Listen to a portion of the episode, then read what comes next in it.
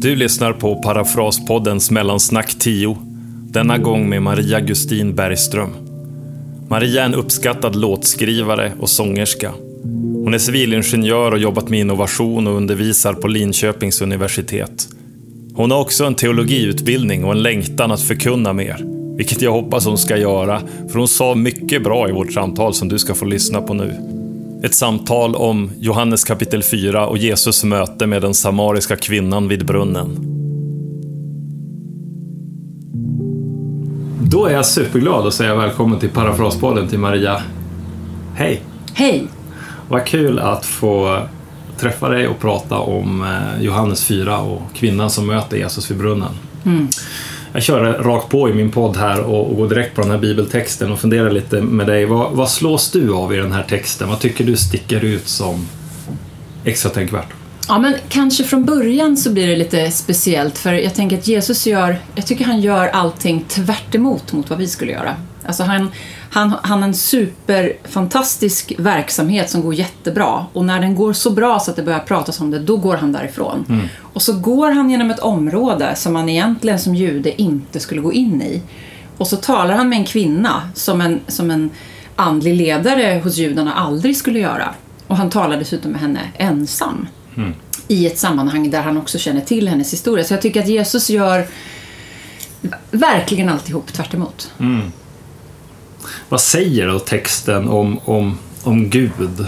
Eh, jag kan hänga ihop frågorna. Vad, vad, vad tycker du så bara, man får någonting av en bild av Gud. Så här, sån, sån här tycks Gud vara i, i texten. Och, och vad säger den om människan om man, om man enkelt gör den lite allmänmänsklig? Vad, vad, vad ser du?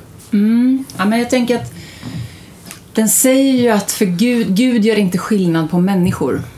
Eh, alltså, det, det har inte någon, någon betydelse för Gud vilken, Eh, liksom, vilket land man kommer ifrån eller vilken social status man har eller om hur man är sedd på i andras ögon eller ens vad man har för rykte. Utan han möter en människa som precis så som den är. Så skulle jag säga. Så det säger ju otroligt mycket om Gud som den som älskar i liksom befintligt skick.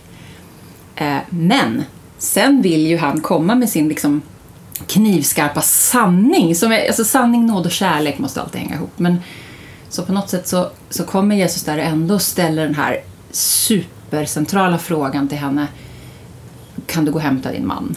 Och han vet att det här är liksom kärnan i hennes problematik. Och han vill liksom befria henne ifrån det här. Så jag tycker att det, det, fin- det är otroligt eh, eh, beskrivet, både vem Gud är, hans kärlek, men också längtan, eller det, det, möjligheten vi har att kunna bli befriade.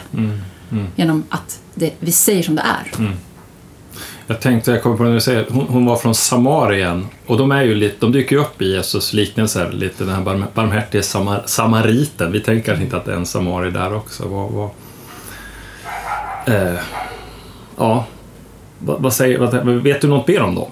Jag vet väldigt lite om samarierna. Ja, ja vi kanske, lite, lite kort kan man säga att var, de har ju ett släktskap med judarna tillbaka och det är det som den här brunnen som, som kvinnan är stolt över. Och liksom, hon, hon säger ju ganska tydligt det här är Josefs källa. Liksom, så det, fin, det finns ett släktskap tillbaka men det finns också en, en, en, liksom ett, dike mellan dem där, där judarna inte menade att samarierna var liksom, eh, lika goda som dem, eller vad man ska säga.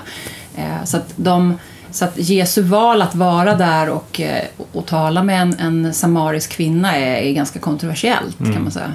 Jag vet men jag läste också att de ska ha blandat också sin, i sin, sin praktik av, av judendomen så blandar de även in tillbedjan av andra gudar så, Ja, som, var, som, var, som blev såklart en spänning och ett exkluderade dem och inte godkändes då. Ja, som- exakt. som och det hade med tillbedjans plats att göra också, där judarna sa att men det är bara liksom är på tempelplatsen där. Det är där man, man tillber Gud, ingen annanstans. Nej. Vilket också rörs vid i den här texten, medan Ja. de hade också ett, ett, Ja. Mm. någon typ av helgad plats Ja. för sig då. Du, du har ju precis som jag både erfarenhet och fungerar ofta i kyrkans musikliv eh, runt lovsång och tillbedjan eh, och sång på olika sätt. Och så handlar den texten, ett samtal Jesus för med kvinnan om tillbedjan. Och han kommer till att fadern, det fadern vill ha är tillbedjare som tillber i ande och sanning. Eh, vad tänker du om det? Vad, vad, står, vad, vad är det? Ja, nej men jag, det, det, jag, jag, jag försökt grunna lite på det och jag, det finns ju flera bottnar i det, men jag tänker att, att någonstans efter Jesus så handlar det om liksom att vi, vi får anden och kan tillbe Gud oavsett plats. Alltså det blir ju det som, som Förut var det koncentrerat, som vi pratade om, till en helig plats. Efter Jesu liksom, död, uppståndelse, andens utgjutande så, så är möjligheten för var och en att tillbe som har blivit fylld av ande. Så att dels handlar det om det eh, och sen så alltså ande och sanning tillsammans. På något sätt så det är en relation det handlar om. Jag, jag är sann mot Gud, jag lever mitt liv i ljuset av honom. Ett sant liv. Anden finns i mig. Eh, och då kan jag också få tillbe honom som jag är. Liksom. Eh, så det, det är väldigt, jag tänker att det är väldigt relationsinriktad text. Okej, Tillbe ja. ande och sanning. Guds ande har getts mig, jag är fri och tillbe honom. Eh, Men, men, det är också, ja, men på något sätt så vill ju Gud att vi ska leva ett liv som speglar hans liksom, karaktär och hans gärningar. Och det är också, tänker jag, blir en del av den här sanningen. Men det finns flera bottnar i det här. Jag hörde någon sa att, att tillbe i sanning, att tillbe eh, i, i uppriktighet och inte i fullkomlighet. Ja, Jag tycker precis. det är vackert uttryckt av att det finns en, en sats att komma i sann tillbedjan är inte att komma i en slags färdig eller perfekt utan just den botten, det bottenärliga, det avsminkade. Ja, men precis. tillbe där, där man är verkligen Yes. i dess djupaste betydelse. Ja, men precis. Jag tror nästan det var det jag ville fånga. Du sa det bättre. ja, men precis. Att leva sitt liv inför Guds ansikte som det är. Ja. Men låta honom också då forma mig. Ja. Mm. Så att jag blir mer och mer lik honom. Eh, och, och gör då sanna gärningar som blir mer efter hans hjärta. Det, det är väldigt tydligt genom också etiken i GT. Mm. Så. Just det. Jag tycker det är ett ord, det här det, det går som att bara haspla ur sig. Ja, vi ska tillbe ande och sanning. Mm. Och så skapar det, jaha, och vad är det då? Jag känner mitt i livet, jag håller på med min lovsångsgitarr. Mm. Jag känner fortfarande ibland, vad är det här? Det är ett djup i de orden som Ja. utmanar. Och man, ja, det är värt att reflektera Mm. runt. För det är så tydligt Jesus lyfter, både han säger att sådana, fadern, sådana, sådana tillbedjare vill Fadern ha. Han vill inte bara ha tillbedjan som någon form av tjänst eller något, utan han söker tillbedjaren, alltså oss, ja, men hjärtat. hjärtat. Och, Och där man är ifrån. Alltså man behöver inte, jag behöver inte liksom gå in i någon roll eller nu ska jag göra på ett visst sätt. Men jag kan komma med gråtande, liksom, tårarna längs kinderna. Jag orkar inte säga ett ord eller sjunga en ton. Men jag tillber ändå dig Gud härifrån. Mm. Alltså så, alltså en, en, en bottenlös ärlighet. Det här är jag. Eh, jag. Jag ber dig, jag tillber dig ändå. Livet, utifrån livets alla förutsättningar på något sätt. Jag tar det här lite vidare, för du engagerar ju dig i frågor som rör konvertiter och det var en av anledningarna varför jag ville ha det här mellansnacket med, med, med dig Maria. Flyktingar som utvisas till länder som, som eh, riskerar att utsättas för våld och hot och, och död helt enkelt. Konverteringen är ju egentligen att man byter liksom, eh, religiös tro. Ehm, men de som jag har eh, jobbat för är ju de som, där det här bytet av tro från, i, det här fallet då islam till kristen tro, medför en, en direkt fara för de här människorna. Eh, därför att man får inte lämna islam. Ehm, och då blir det, så att det finns ju jättemycket folk som eh, liksom, eh, konverterar där det inte blir någon stor fråga. Nej. Men det finns också många människor där det blir en fråga om liv och död. Ja, eller uteslutning från sin familj eller att, att man mm, till och med ja, men, hedersvåld till exempel blir inblandat. Att du kan inte få leva ett liv egentligen då om du lämnar islam. Så det är egentligen själva lämnandet av islam som är problemet snarare än att man byter tro. Ja. Eh, Så att det, ateism är ju lika farligt i de länderna kan man säga då. Just det. Ja, och igen, för tydligheten för den som lyssnar på det här, ko- kopplingen där jag, ser Jesus kliver någonstans över en... Han är i samma land, han är nära, men han, det är ändå någon form av ett steg vidare för Guds rike till en annan kultur och, och Yes. bryter murar på ett sätt här som utmanar. Och då Verkligen. tänker jag runt ditt engagemang för det här. Var, var, varför det? Varför har du det här? Vad är någon slags kort bakgrund varför ditt engagemang har varit? Ja, men jag, alltså? Jag, jag har inte varit, eh, det har inte varit en fråga för mig som har varit eh, liksom viktig tidigare eh, än efter 2015. Men 2015 så kom det väldigt mycket folk som vi vet från andra länder som sökte hjälp. Och då jobbade jag i en församling eh, som pastor eh, i tre år och mötte många då. Och jag, hade, jag har alltid tyckt om människor från andra länder men det har liksom inte varit som det blev då när jag liksom ansikte mot ansikte lärde känna den ena efter den andra och de drabbade mig. Alltså, jag ska säga att, att hjärtat fylldes av Guds kärlek till de här människorna som jag aldrig förut hade känt. Mm. Jag kan inte förklara det på något annat sätt. Det var som att jag kände att det här är mitt folk. Jag, kanske att jag, om det är någon som har hört någon missionär som har sagt någon gång att jag har ett hjärta för Kina kanske. Eller så här. Mm. Jag har aldrig förstått det, men nu kan jag förstå vad de menar. Ja, men, eh, de här människorna som jag mötte från Afghanistan i första hand då, alltså, så tänker jag att det finns ju många fler, men det var de mm. som, som jag jobb, liksom, mötte så mycket. Och, och det, hela det folket liksom blev som en, en, en kärlek till dem faktiskt, mm. som jag inte kan förklara. Nej. Det är väl bakgrunden till mitt engagemang. Ja. Mm. Eh, hur, hur, ser då Guds hjärta för flyktingen? Hur ser du Guds hjärta för flyktingen i Bibeln? Hjälp, hjälp oss att se det med dig. Vad, vad, för det är så centralt. Ja. Och, och, och, jag tänker att det också bildar en drivkraft för dig i de här frågorna. Ja, men verkligen. Vill du dela något runt det? Ja, men jag har grävt i dem några år nu och man kan väl säga att om vi bara tar, tittar på Gamla Testamentet så, eh, så, så var, man ska säga så här att kungen i Israel, de hade ju kungar efter ett tag. Först hade de eh, domare och, så och så hade de kungar. Och ansvaret på kungen låg att vandra efter Guds hjärta, alltså för hela sitt land.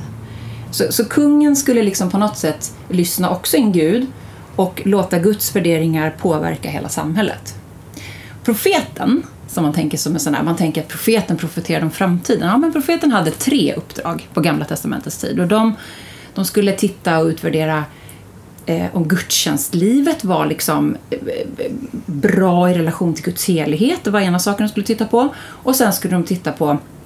Eh, nu försvann det helt. Eh, det kommer tillbaka. Men det tredje de skulle titta på mm. det var att eh, hur kungen vandrade med Gud avspeglades i hur kungen hanterade trion, den faderlösa änkan och främlingen.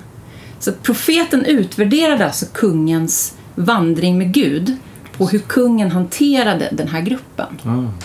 Eh, där ser man på ett sätt hur central den här frågan blir. Eh, vi tänker ju så att, att, att, ändå att Gud är densamma idag, mm. eh, såklart.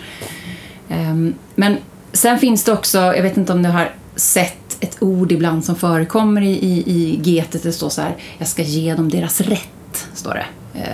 Liksom det här ordet rätt, låt rätten flyta fram. Det, det. det, översätts till rätt på svenska, vilket är lite skumt ibland för vi tänker rätt och fel eller vi tänker kanske eh, ja, men min rätt, vad är min rätt? Liksom? Är det mm. rättvisa vi pratar om eller vad är det vi pratar om? Men mm. det ordet hänger väldigt ofta ihop med den här trion och det handlar om att att kungen var skyldig och landet var skyldigt att behandla de här människorna rätt även juridiskt faktiskt.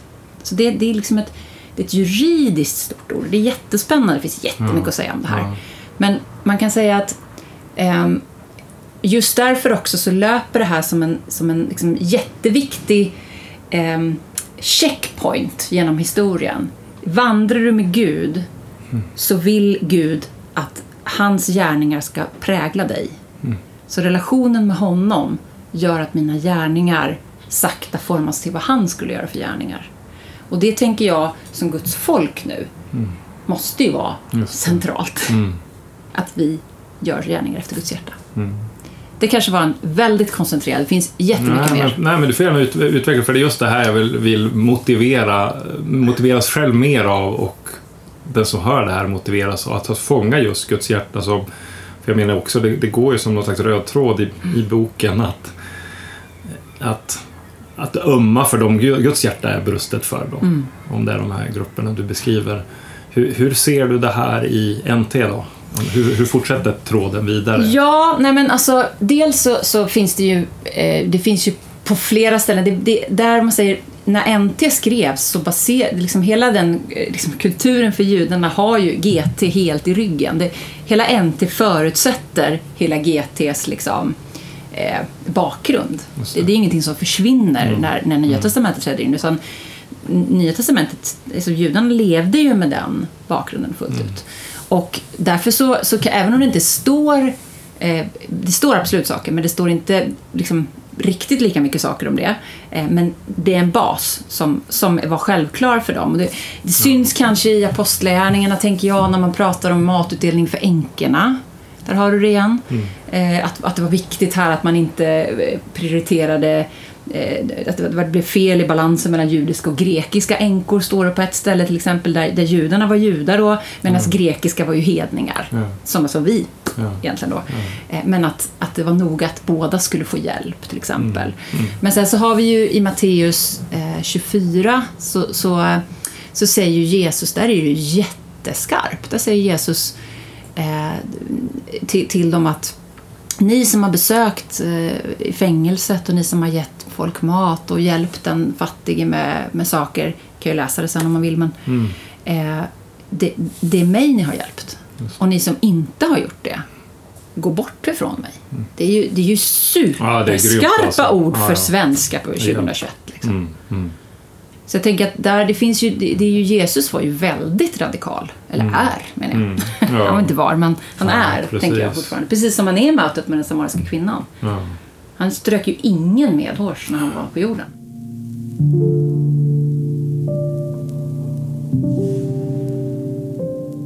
Hur såg och ser ditt engagemang ut? Eller vad? Ja, alltså... För du har inte bara suttit på rumpan vet jag. Du har ju, du har ju agerat i, i, utifrån vad ditt hjärta fylldes med. Ja, men precis. Och det är det jag tyckte var så spännande när jag började förstå lite grann det här, det här hebreiska ordet som handlar om det här med rätten då, som heter mishpat på hebreiska. Det finns otroligt mycket att säga om det också. Mm. Men jag tror att det var det jag upplevde. Därför att egentligen så såg det ut för mig att jag dels mötte de här människorna personligt och försökte börja förstå när, när de när, när den här gruppen just afghaner förstod att deras nya kristna tro som Gud hade dragit dem till, det var väldigt många som kom då. Eh, och väldigt många upplevde att Gud hade kommit i drömmar och syner. Väldigt många. Det, mm. Har du någon i din närhet så fråga om de känner någon eller de själva har varit med om att Jesus har kommit till dem. Men Jesus drog i den här gruppen väldigt tydligt. Mm. De kom till oss, vi lärde dem i kristen tro och eh, så. Eh, men jag började se då att de, det är jättefarligt för dem att bli kristna, som vi pratade om i början. Och de blir då plötsligt inte trodda i relation till våra myndigheter, att de har en äkta kristen tro. Utan vi mm. ser de här människorna, hur deras tro har vuxit och eh, myndigheterna säger nej, de är inte kristna. Där blev det ju, det bara slog ju fel i, liksom i huvudet. Hur kan mm. det vara så här? Mm. Och när jag började prata med andra i andra kyrkor och började förstå att det här är en bred bild och när jag sen också började förstå att våra myndigheter kan aldrig prata om enskilda fall som poppar upp i media. För det var ju så förfärligt att mm. eh, Hussein får inte uppehållstillstånd och han kommer dö när han skickas iväg men de tror inte han är kristen. Sådana här berättelser kom ju. Så då började jag tänka, kanske kan man visa på det här att det liksom sker på många ställen. Alltså, man kallar det för systematik. Mm. Finns det ett mönster som upprepar sig här? Och då började jag med ett arbete som man kan prata länge om men det resulterade i någonting som heter konvertitutredningen där vi eh, till slut var 70 personer. Jag drev det här och organiserade det och ansvarade för liksom, eh, räknedelen av det här där vi försökte förstå hur många är det som mm. inte blir trodda. Men det var många inblandade. Och de, så det, jag, jag jobbade på det på en, en liksom hög systematisk nivå för att försöka göra skillnad. Så vi presenterade ju det här för riksdagen vi, eh, det här är en stor del i att, att regeringen sa till Migrationsverket att kolla den här frågan. Mm. Återkomma, vad, vad, hur är det med den och så. Så vi har, mm. Jag har jobbat på den nivån för att försöka påverka. Yeah. Men jag har ju också sett alla enskilda fantastiska hjärtan som har jobbat outtröttligt med enskilda individer under hela den här tiden. Så det, mm. vi gör ju olika saker. Mm. Men det är många som har jobbat eh, för den här gruppen. Mm. Var är den här frågan, eller den här, ja, om jag säger för frågan, nu idag? Alltså sommaren 21, vad, vad, vad händer och vad... Ja, men För vi gjorde... me- media hör, hör man ju inte så mycket om, Nej. om fall och, och saker nu. Vad, vad sker? Alltså dels är det ju så att eftersom det, det kom inte fler människor hit, det är ju nästan i princip stopp, eh. Mm. vilket jag personligen sörjer. Eh, Men man kan säga att vi gjorde en uppföljning nu i, som vi presenterade i april och försöka förstå. Och då, då var det tydligt att de församlingarna som hade varit med och så svarade ett visst antal av dem så ser vi att det har inte blivit bättre, det har snarare blivit sämre. Eh, Det, inte, det, det har egentligen inte hänt det vi hade önskat skulle hända. Okej. Men vi har ju påpekat det här. Det finns dokumenterat för historien framåt. Vi har säkert varit med och förbättrat i enskilda fall skulle jag tro. Ehm, Men det stora liksom skrällen som jag hade hoppats på, det blev inte. Och det var antagligen ja, men för svår politisk fråga för att det skulle ske, skulle jag nog säga. Det, är, det är ett komplicerat område och många bottnar i det här. Men vi har gjort vad vi har kunnat. Och det som Gud manade oss, tänker jag. Och det är väl det man kan göra, tänker jag. Ja. När, speciellt när hjärtat brinner till för något. Jag kan ju bara göra det jag tror jag skulle Mm. göra. Precis. Ja, strångt. Ja, men det jag tyckte var så spännande, apropå det, om det är liksom du som är, som, är, som är ung som lyssnar också kanske, jag tänker att det, det jag upplevde då var att Gud tog liksom min utbildning eh, som civilingenjör Just det. Och la ihop den med, liksom med sitt hjärta så att jag kunde göra det. Jag hade aldrig kunnat göra det här arbetet Nej. om inte jag hade haft det bakom mig. Så det var som att han hade förberett, och jag hade jobbat precis med såna här typ av analyser i Just mitt det. yrkesliv. Så, så det var första gången som jag upplevde att, liksom, att hela min liksom, hjärta för Gud, församling och allt det här sammansmälte med mitt, mitt yrke och Mm. blev till någonting som Gud hade förberett. Wow. Och det var superspännande. Så Ja, det tänker jag att ja. Det kan ju vi säkert vara med om allihop på olika sätt. Så, Ja, precis. Ja. eh, få göra skillnad liksom, Ja. där man är.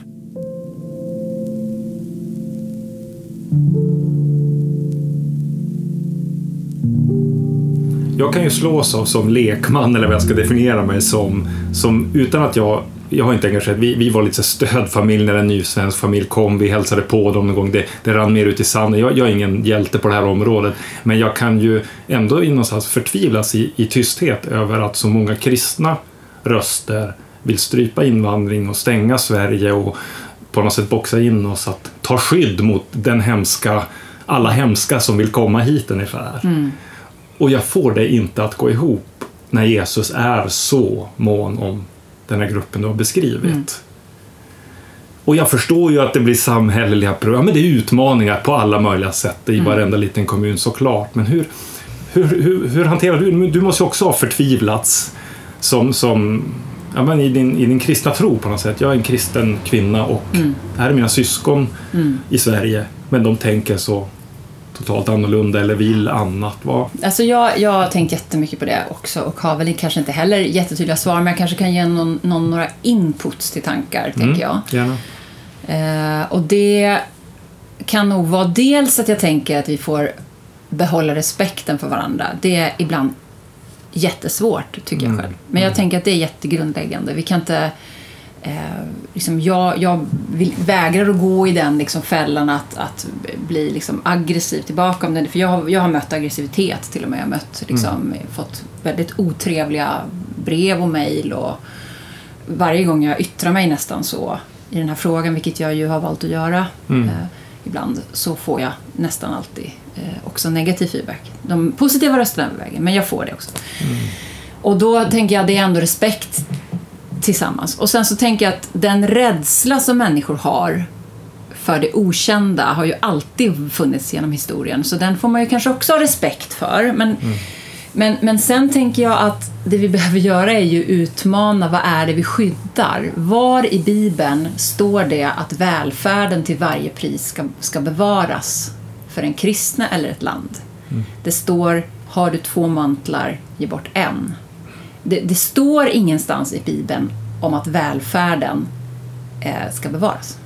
Där tänker jag att vi skulle behöva eh, se det som kristna att vi kan vara generösa Och det kommer att påverka vår egen livsstil. Men det är vägen Gud har kallat oss att gå. Och det tror jag vi behöver prata om. För jag upplever ibland att, att en, en grupp då som är rädd och som till varje pris eh, vill, vill skydda det man har skulle kanske behöva börja tänka så lite mer. Eh, vill jag nog säga. Eh, eftersom jag inte kan få det att gå ihop heller alls med det jag har sett och läst och upplevt så, så ser jag det här. Alltså, liksom, ha- har vi ett samhälle som, som sköter det här så att det är bra, då är det ganska lätt. Har vi inte ett samhälle som sköter det här, hur ska vi som kristna då, som, som Guds församling agera i de här frågorna?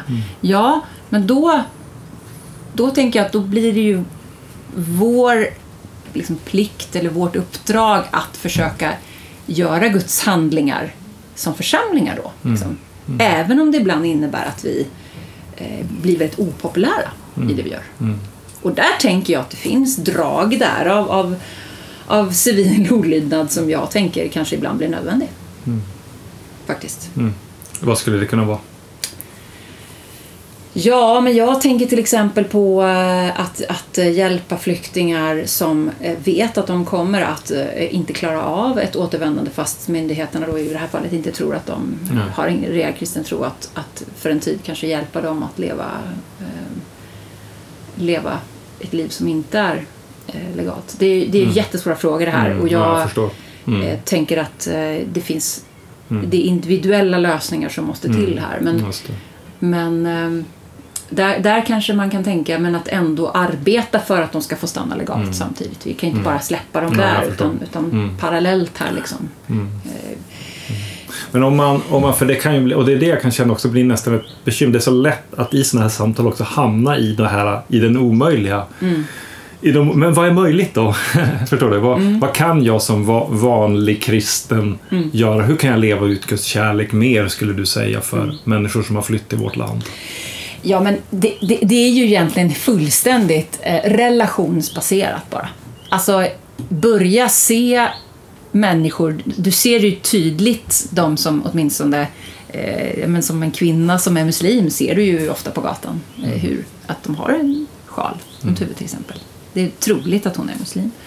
Troligt och kanske också att hon, hon kan ju ha bott här i generationer ändå. Men jag tänker, se människor le, säga hej.